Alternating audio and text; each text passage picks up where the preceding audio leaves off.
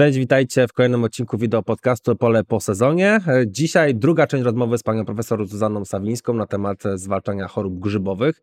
W dzisiejszym odcinku powiemy sobie też o tym, jak biologia może pomóc nam w lepszym zwalczaniu chorób, w szczególności w sytuacji, kiedy no, mamy niestety coraz mniej dostępnych substancji czynnych fungicydów. Będzie też słówko o tym, jak wygląda rolnictwo w Stanach Zjednoczonych. Nie przedłużając, zaczynamy.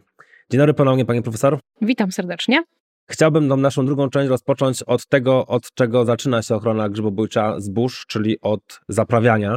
Jeżeli ktoś kupuje mm, materiał siewny, no to nie ma z tym problemu, bo zazwyczaj taki materiał siewny jest zaprawiany, ale wiemy dobrze, że też część z rolników sieje swój własny materiał siewny, no i kupuje zaprawy, które następnie musi wymieszać z tym materiałem, żeby ochroniły e, młode siewki zbóż, kiedy one już wykiełkują w glebie. O czym pamiętać, dobierając zaprawę, aby jednak nie szczelić sobie w kolano? Właśnie, to jest taki temat, który jakby no jest moim chyba tak najbardziej ulubionym tematem, bo nie ukrywam, że z tematu zapraw nasiennych zrobiłam doktorat i zrobiłam habilitację i cały czas czuję, że jest to temat, który jest bardzo mocno niedoceniany, tak? A bardzo dużo możemy zrobić odpowiednio dobierając zaprawę nasienną. Oczywiście my przez, napra na, przez zaprawę nasienną rozumiemy ten czerwono zabarwiony materiał siewny i teraz nie mówię tego celowo, aż tak bardzo, ale w sumie to tak mówię celowo, ponieważ y, na początku mojej pracy miałam doświadczenia z bardzo fajną zaprawą nasienną w zbożach, która miała kolor zielony. I wtedy było to nie do przejścia, ponieważ rolnicy są przyzwyczajeni, że materiał siewny w przypadku zbóż musi być zabarwiony na czerwono. Możemy z tego troszkę śmiać, ale niestety tak jest. W przypadku innych roślin to już jest troszeczkę inaczej, bo jak wiecie doskonale Państwo, w przypadku rzepaku, czy w przypadku buraków, tak, czy warzyw, to już w ogóle tam te kolory są różnie inne. W tej chwili w przypadku zbóż też mamy już inne kolory. Chyba w rzepaku i w e, burakach to bardziej jest nawet e, mm, kojarzone z producentem, prawda? Tak, z producentem tam mamy zielone, niebieskie, tak, także naprawdę tutaj no, nie ma żadnego problemu. Kolor otoczek. Mhm, tak, dokładnie. kolor otoczki e, zazwyczaj właśnie taki jest, natomiast no, w zbożach nie szło tego przejść, naprawdę nie szło wtedy. Teraz na szczęście jest już inaczej, z czego się bardzo cieszę. Najczęściej zaprawa nasiena dobierana jest po to, żeby zwalczyć te patogeny, które są najbardziej spektakularnie widoczne, czyli śniecie, głownie, zgorzel siewek, mm, pleśń śniegową, tak, czyli mikrodochium niwale. O tym myślimy, wybierając zaprawę nasienną, że tego nie chcemy. Nie chcemy tych właśnie rozpadających się brunatnych kłosów, czy tych kłosów, gdzie zdusimy ziarniak i będziemy mieli zapach zgniłych śledzi, tak, czyli tutaj mamy śnieć. Absolutnie tego nie chcemy, to wiadomo. Są jednak patogeny, których nie zwalczymy tymi właśnie najprostszymi substancjami aktywnymi, tak? Czyli są takie patogeny, e, chociażby przykładem tego, takiego patogena, o którym coraz częściej się mówi i jest go coraz więcej, jest pałecznica zbóż i traw.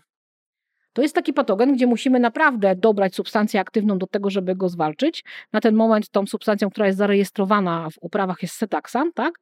E, to jest substancja, która skutecznie zwalcza tego patogena i tutaj nie możemy sobie wybrać obojętnie której zaprawy nasiennej. Zresztą podobnie jest w przypadku e, śmieci karłowej. Tutaj też nie ma takiej opcji, że weźmiemy obojętnie jaką substancję aktywną i ten patogen zostanie skutecznie zwalczony. I jeszcze kolejne, o czym musimy pamiętać, to jest dawka w przypadku śmieci cuchnącej nie jest tak istotna, ale w przypadku śmieci karłowej musi to być pełna rejestracyjna dawka zastosowana do zaprawiania. Tak, nie możemy nic obniżyć, bo jak obniżymy, to niestety nie będziemy mieli skuteczności zwalczania w tym momencie. A czy problem pałecznicy to jest problem monokultury zbóż, czy nie, czy, nie wiem, kwestia gleby, To jest kwestia gleby, warunków? nie, to jest kwestia warunków pogodowych, to przede wszystkim. To jest patogen, który lubi to, co mamy teraz na polu, czyli jak jest e, wilgotno, i taka temperatura do 10 stopni. Jeżeli mamy zasób zarodników w glebie tego patogena, to najczęściej on pojawia się w uprawach jęczmienia ozimego i tam jest z nim największy problem, ale moi drodzy, występuje także w pszenicy, w przężycie, w życie i tak naprawdę bardzo często występuje w kompleksie z pleśnią śniegową, zazwyczaj. E, pałecznica, czyli takie brązowe kuleczki nam się pojawiają na podstawie źdźbła i jak sobie odchylimy liść od pochwy liściowej, to są one idealnie widoczne i naprawdę potrafią zniszczyć niekiedy nawet 70% plantacji, jeżeli tego skutecznie nie zwalczymy. I prawda jest taka, że zarodniki przetrwalnikowe zostają w glebie na okres 8 lat. O tym, o czym też trzeba pamiętać, czyli nie możemy zapomnieć o tym patogenie i nie możemy sobie wymyślić, że a dobra, w tym roku wystąpił, no zniszczył mi plantację, to w przyszłym roku sobie zasieję na przykład, nie wiem, pszenicę i nie będzie tego problemu. No, jak już Niestety. wystąpi, to jak już wystąpi, to potem występuje we wszystkich pozostałych też tych zbożach i wtedy naprawdę trzeba skłonić się do tych substancji, które działają na niego skutecznie.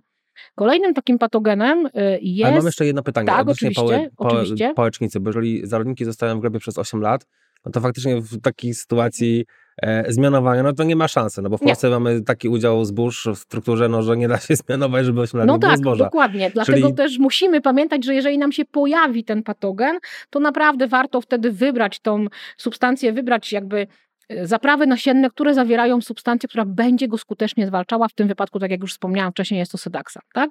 Natomiast e, drugim takim patogenem, który no, na szczęście występuje trochę mniej już teraz, to jest właśnie wspomniana przeze mnie już w pierwszym, e, w pierwszym materiale zgorzel podstawy źdźbła, czyli patogen Gaumanomyces graminis. Jest to typowy patogen, który występuje w przypadku upraw monokulturowych. No i uwaga, to nie jest tylko monokultura pszenicy, ale to jest także monokultura zbożowa, taka typowa. E, Jedyna roślina, która gdzieś tam jest w stanie przerwać tą monokulturę, to jest owiec, no ale doskonale wiemy, że nie ma go za wiele mm, w naszych tutaj y, zasiewach. I jednoroczna przerwa na rzepak też niewiele zmienia. Największy jakby procent porażenia e, przez zgorzel podstawy źdźbła obserwowany jest w trzecim roku uprawy monokulturowej zbożowej, dlatego też o tym trzeba pamiętać. I tutaj jest substancja siltiofam, która zwalcza tylko i wyłącznie w skuteczny sposób tego patogena, jeżeli mamy bardzo duży problem z tym patogenem. No i teraz to, o czym bardzo często zapominamy, o czym już sobie mówiliśmy w pierwszej części materiału, czyli grzyby z rodzaju fuzarium. I one się zaczynają od zgorzeli siewek. One się zaczynają od zgorzeli siewek i jeżeli w płodozmianie mamy kukurydzę, która jest fantastycznym żywicielem dla grzybów z rodzaju fuzarium. Ja bardzo lubię kukurydzę w strukturze zasiewów, ponieważ dopóki będą, będzie taki udział kukurydzy, jaki jest w tej chwili, to na pewno e, pracy nam nie zabraknie, gdyż fuzarium będzie się mnożyło bardzo skutecznie. No to wtedy też trzeba jakby zwrócić uwagę na to, żeby wybrać zaprawę nasienną, która będzie skutecznie ograniczała występowanie właśnie zgorzeli siewek. Tak? Czyli tutaj tu już jest większa grupa, nie będę wymieniała wszystkich substancji, ale tu już jest większa, dużo większa grupa. Jeżeli mamy większy problem z mm, pleśnią śniegową. I tu uwaga, wcale to nie musi być śnieg, bo na przykład to, co mamy w tej chwili za oknem, czyli e, dobrze rozwinięte łany, e, które są, no, mają dużą zieloną masę, jeżeli nam się ten łan troszeczkę tak jakby pochyli, no to też mamy idealne warunki do tego, żeby ta pleść śniegowa nam występowała. Najczęściej wtedy występuje, najwięcej jej występuje w jęczmieniu ozimym, nie ukrywam no to wtedy też musimy skłonić do tych substancji właśnie takich typowo y, działających na pleść śniegową i tutaj myślę, że taką substancją dobrze działającą jest na przykład fludioksonin, tak, w mieszaninie protykonazol, na przykład w mieszaninie, tak, tutaj jest no kilka możliwości doboru. Ale chciałbym wrócić do fu fuzarium na chwileczkę, bo faktycznie y, o tych y, podozmianach zbożowo-kukurydzianych dosyć często słyszymy, bo one w kontekście rozwoju chorób są, y, no, są takie znaczące, prawda? Tak, oj, bardzo. Dużo jednak tych zarodników fuzarium nam dostarczają. Jeżeli ktoś y, po kukurydzy sieje zboża mm, i jeszcze ten udział zbóż ma duży i kukurydzy również udział ma duży, no to występowanie fuzaryjne zgorzeli postawy źba, czy w ogóle zgorzeli siewek, czy później też fuzarium na kłosach, no prawdopodobieństwo jest dosyć spore. Tak, tak. Jeżeli byśmy spojrzeli tutaj na właśnie intensywność występowania patogenów po danym przedplonie, to w przypadku kukurydzy na ziarno i kukurydzy na kiszonkę jest to najwyższe ryzyko. Tak? Czyli tu musimy pamiętać o tym, że jeżeli uprawiamy zboża po kukurydzy, to mamy no, zwielokrotnione ryzyko, że tak powiem, wystąpienia tych patogenów, wszystkich, które Pan wymienił. Nawet, nawet w sytuacji, e, kiedy siejemy pszenicę późno po kukurydzy, bo ja rozumiem, że może być Nie, no, różnica oczywiście, między... że tutaj będzie wiadomo, że no, jeżeli wysiejemy y, późno po kukurydzy, no to nie wystąpi nam presja patogena na jesień, tak? No bo nie ma takiej możliwości, żeby nam wystąpiła,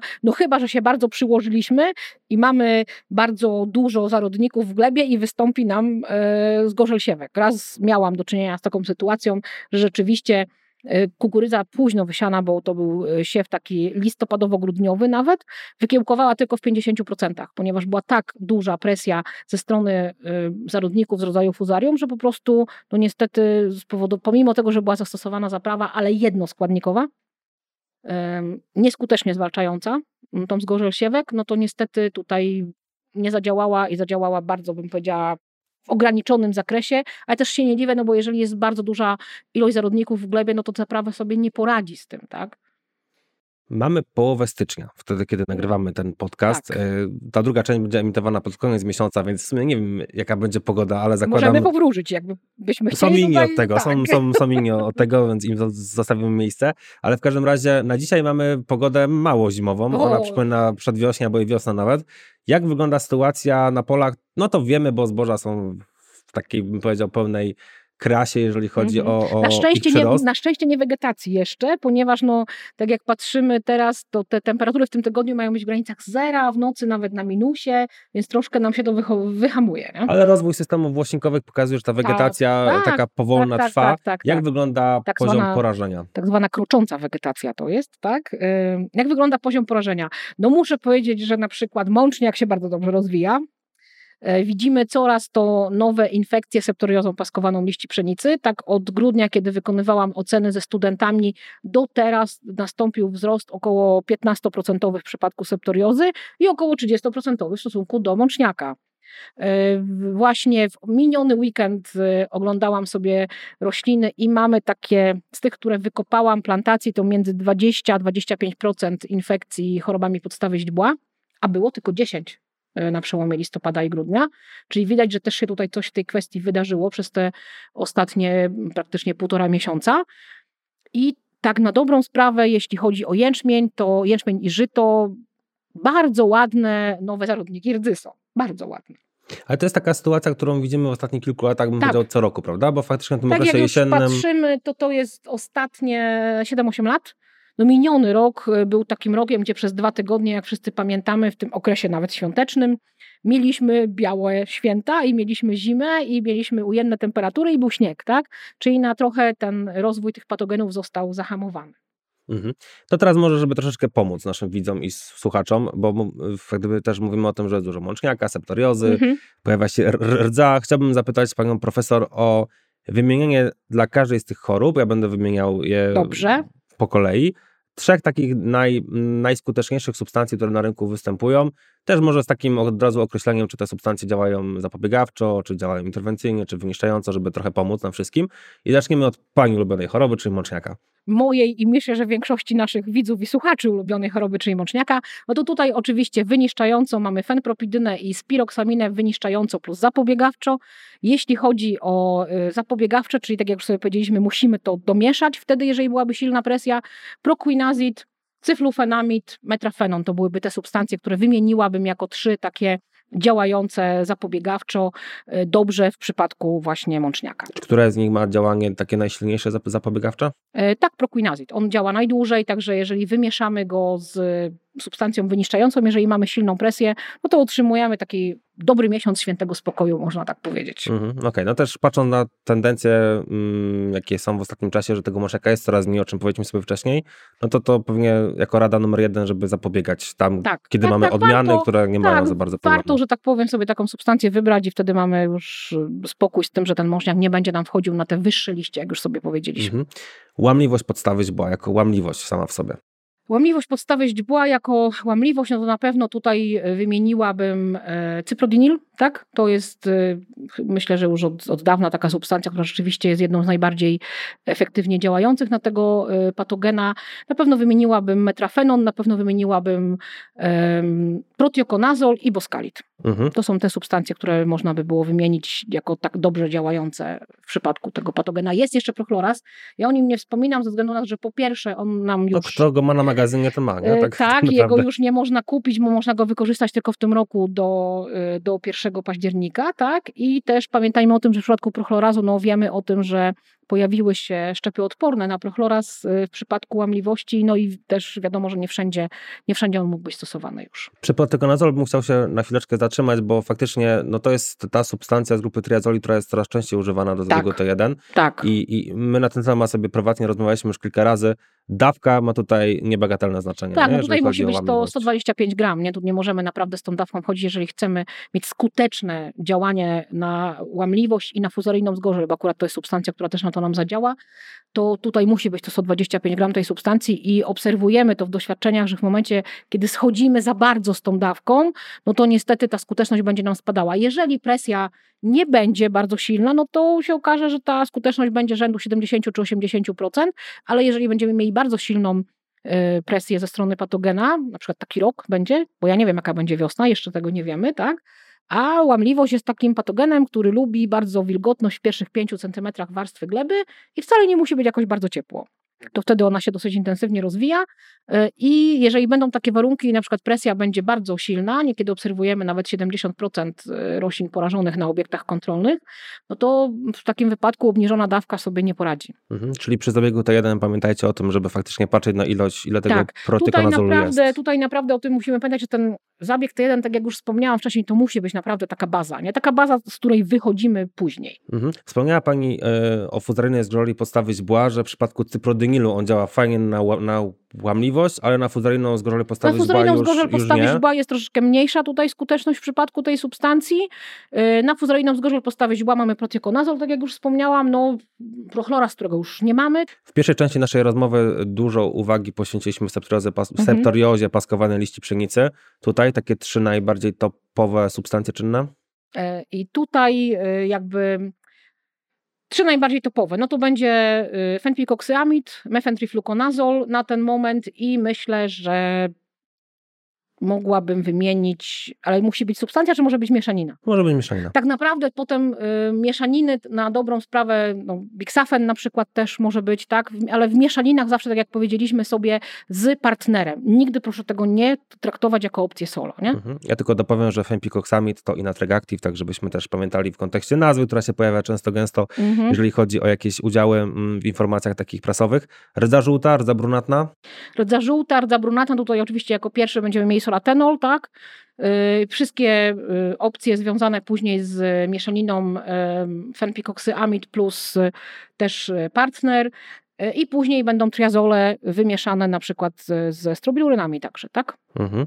Deterka, czyli brunatna plamista A, liści. no to jest taki patogen, to jest taki patogen, który jest chyba jednym z tych trudniejszych. Jeżeli mamy rzeczywiście dużą presję ze strony brunatnej plamistości, czyli powszechnie nazywanej DTR-ki, to tutaj y, musimy się skłonić do mieszanin dwóch triazoli najczęściej, tak? Albo dwa triazole wymieszane z strobiluryną, albo z SDHI, albo penwikoksyamidem, tak? Tutaj musi być jakiś partner wtedy do tego.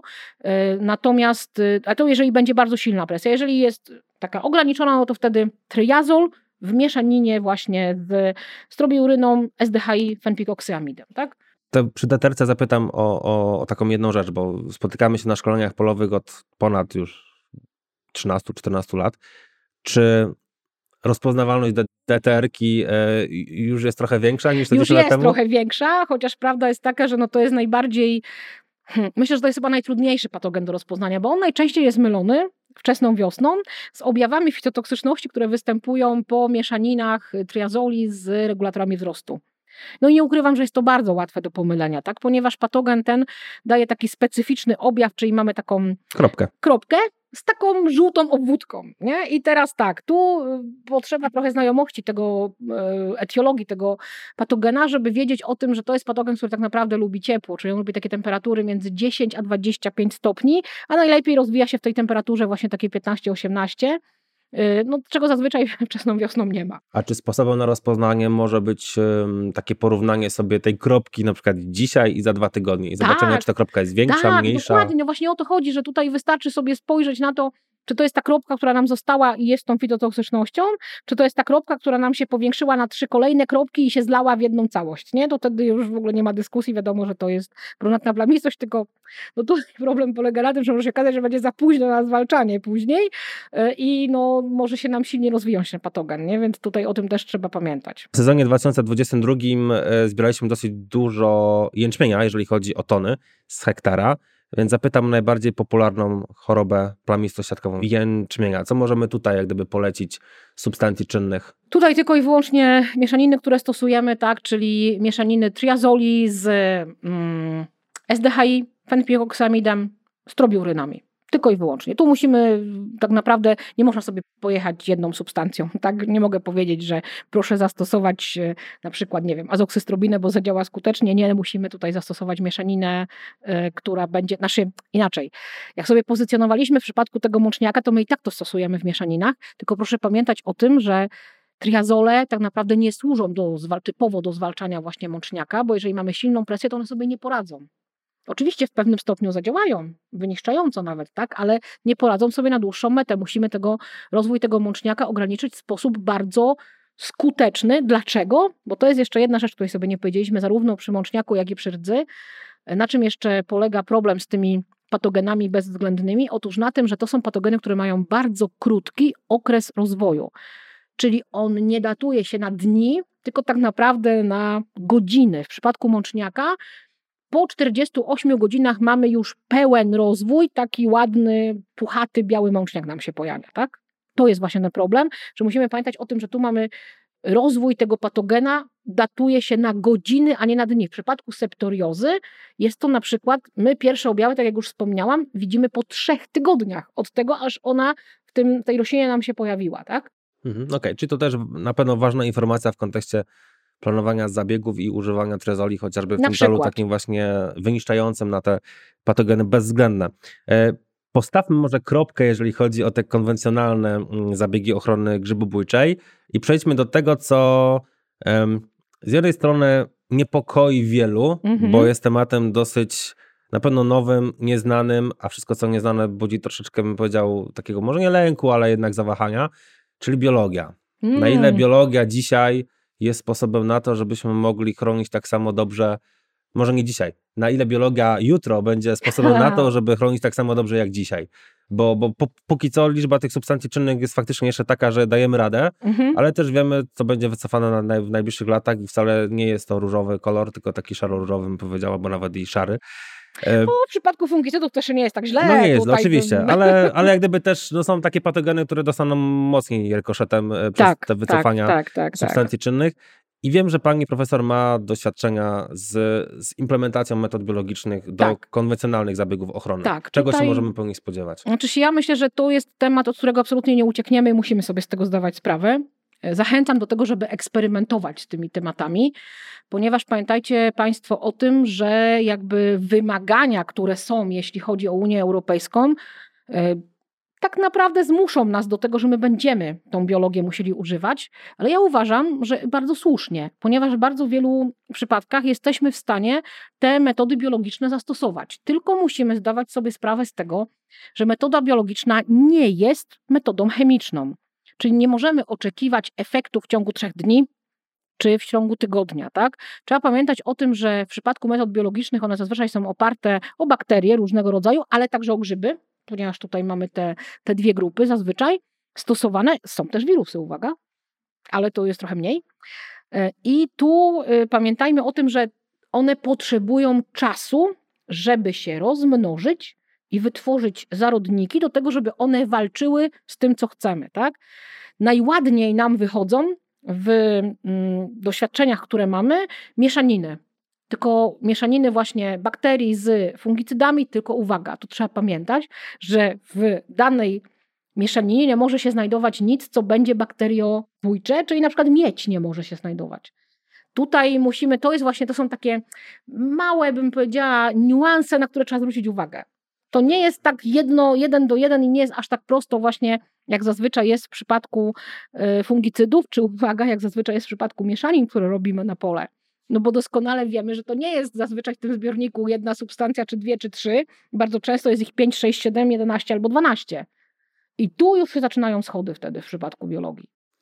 O tych niuansach, o których pani wspomniała, to na pewno nawet nie warto, ale trzeba pamiętać, bo one de- determinują nam skuteczność. I tutaj co takim, wydaje mi się, że pierwszym, który mi przychodzi do głowy, to jest chociażby warunki podczas zabiegu, które są. Właśnie. Żeby były sprzyjające do tego, żeby ta Bardzo, bardzo mocno działała. zachęcam Państwa do tego, żeby czytać, co jest w składzie danej, danej mieszaniny, którą będziemy stosować, bo w bardzo wielu wypadkach te preparaty biologiczne oparte są o nie tylko o jeden rodzaj bakterii, ale o dwie, dwa, trzy rodzaje miksy tych, tych bakterii, tak, czy miksy bakteryjno-grzybowe też się zdarzają takie. My musimy wiedzieć, żeby to właściwie zastosować, my musimy wiedzieć, co tam jest, jakich wymaga warunków do rozwoju, tak? Bo jeżeli rzeczywiście będziemy mieli bakterię, która wymaga temperatury 15 stopni do tego, żeby się rozwijać, no to nie możemy jej zastosować w zabiegu T1 na, pierwsz, na wczesną wiosnę, tak? Nie ma takiej możliwości, bo ona nie, no, nie ma takiej możliwości, żeby skutecznie zadziałała.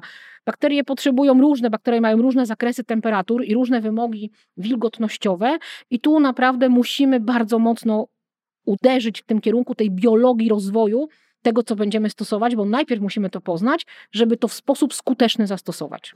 Bakterie, które do tej pory miała Pani okazję testować, to były bakterie, które działały na które z chorób?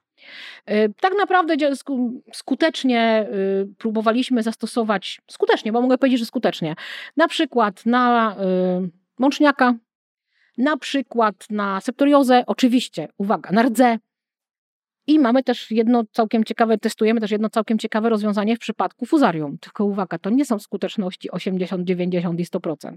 To jest biologia, więc tutaj skuteczności, jak nam oscylują w granicach 60-70%, to naprawdę jesteśmy bardzo zadowoleni.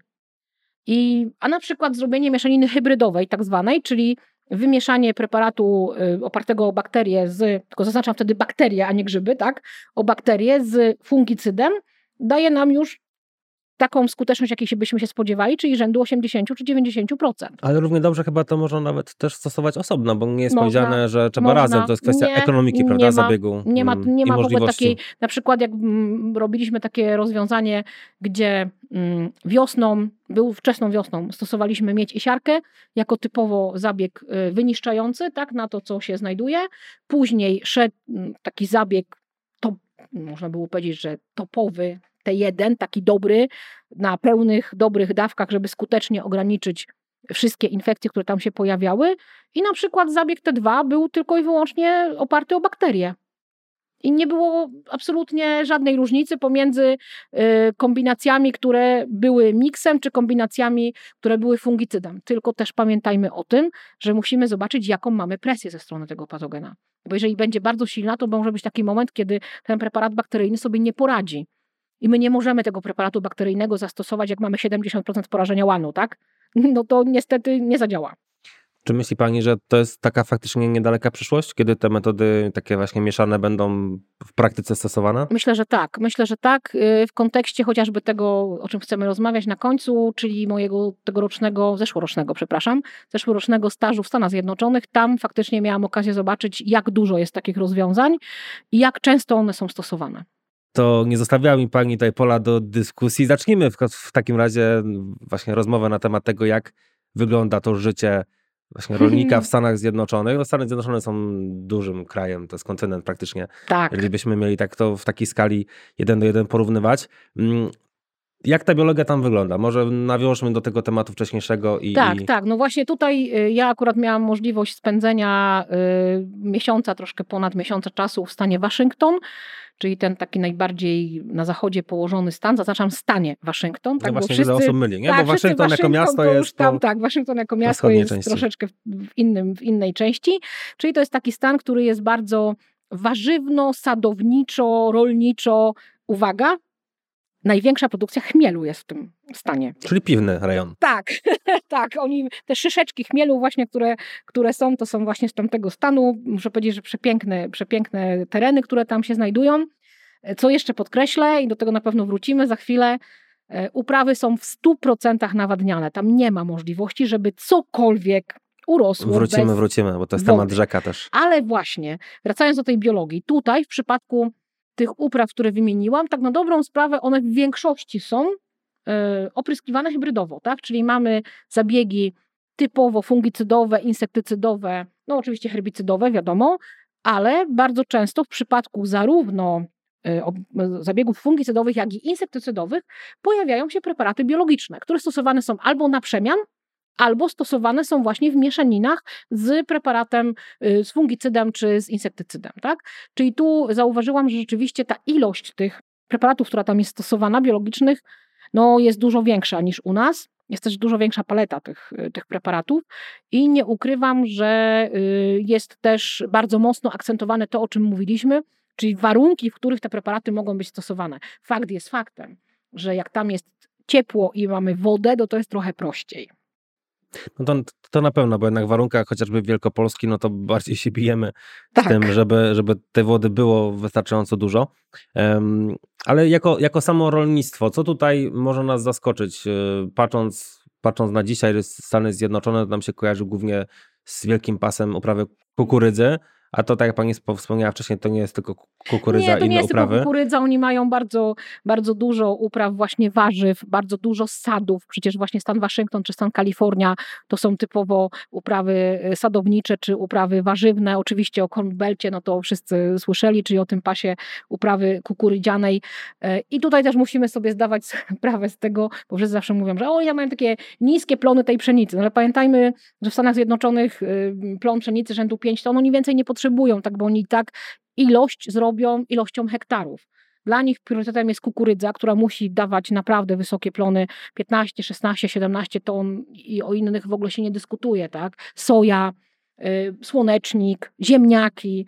To są te rośliny, które są roślinami y, priorytetowymi. No i potem oczywiście, tak jak wspomniałam, właśnie warzywa, sadownictwo, y, to są y, przypisane już do terenów, gdzie, gdzie te uprawy się znajdują A co Panią najbardziej zaskoczyło?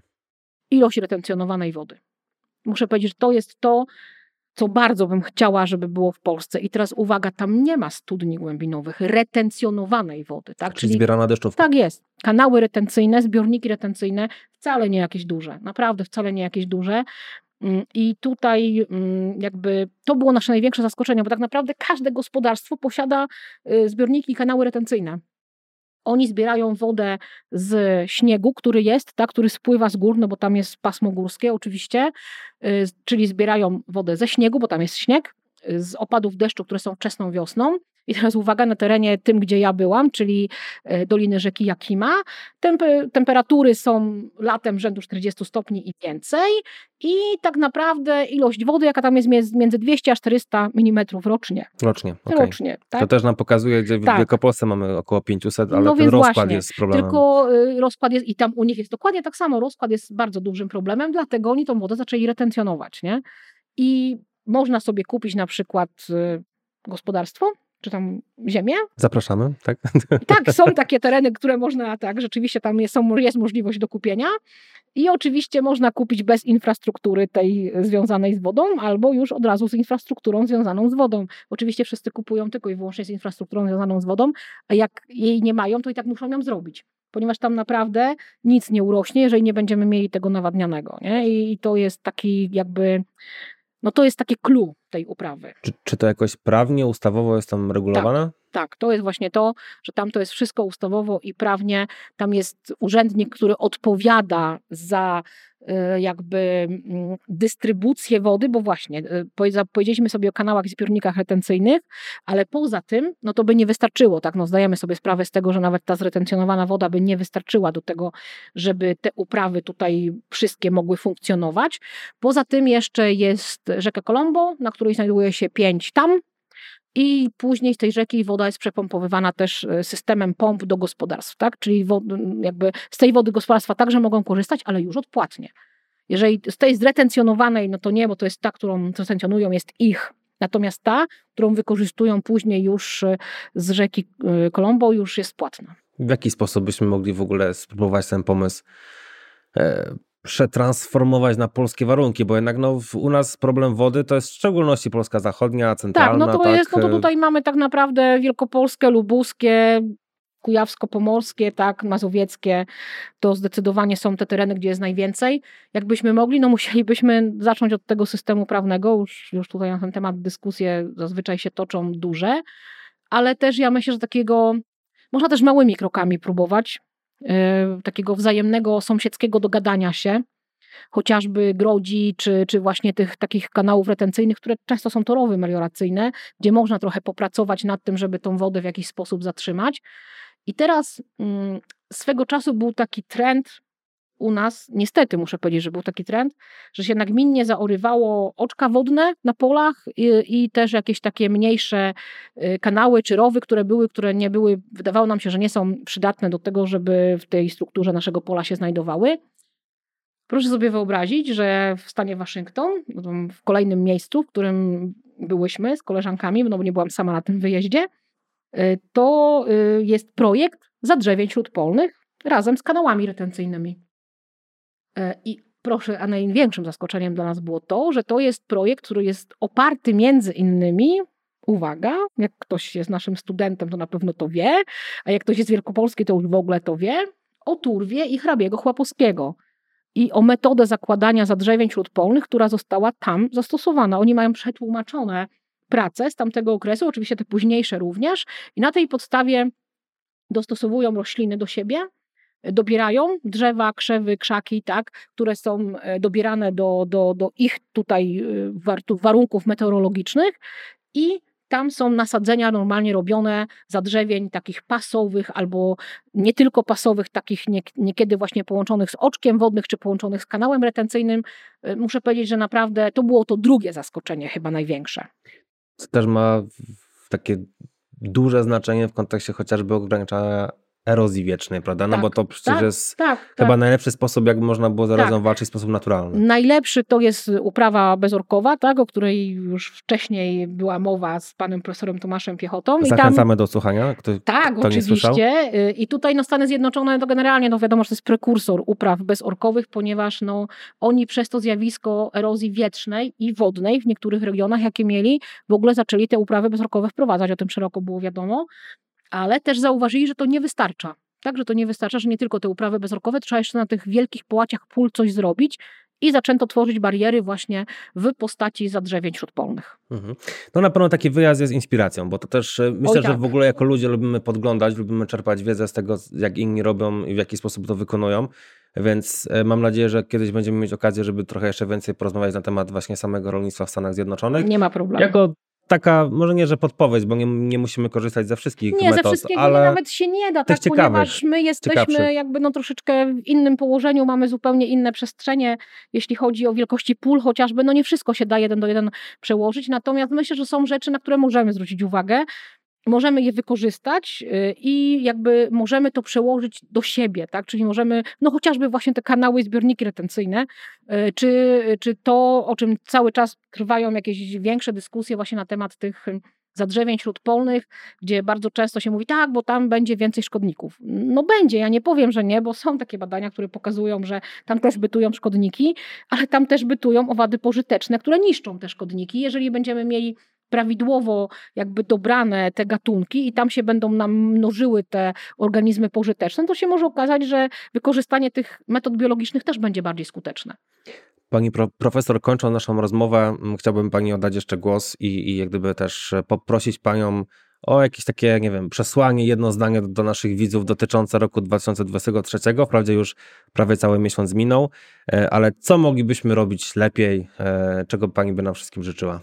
Ja bardzo bym chciała, żebyśmy bardziej zwracali uwagę na to, co się dzieje na naszych polach, żeby naprawdę ten monitoring był taki mm, skuteczny i dostosowany do naszego pola, tak żebyśmy zwracali uwagę na to, co jest tam, na tym polu, konkretnym polu, e, a nie odnosili na przykład jednego pola do, do całości gospodarstwa, bo to czasami niestety może mieć zgubne skutki, więc zachęcam do e, jak najczęstszego monitoringu, oglądania naszych plantacji i dostosowywania do tego, co mamy, ochrony, zarówno herbicydowej, fungicydowej, jak i insektycydowej. Pani profesor, bardzo dziękuję za tą naszą długą, wyczerpującą rozmowę, nie tylko na temat chorób grzybowych, ale też poruszyliśmy inne tematy. Dziękuję bardzo. Bardzo mi było miło. Zachęcam Was do tego, aby pisać e, w komentarzach pytania do Pani Profesor. Również można proponować gości do następnych spotkań e, i też bym chciał nawiązać właśnie do tego, ponieważ w przyszłym tygodniu najprawdopodobniej zobaczycie kolejnego gościa, który był e, w liście, ankiecie, która pojawiła się jakiś czas temu jako post na kanale Epole. Dzięki, że jesteście, dzięki, że oglądacie, dzięki za wszystkie pozytywne głosy, które od Was dostajemy. Do zobaczenia następną niedzielę. Cześć.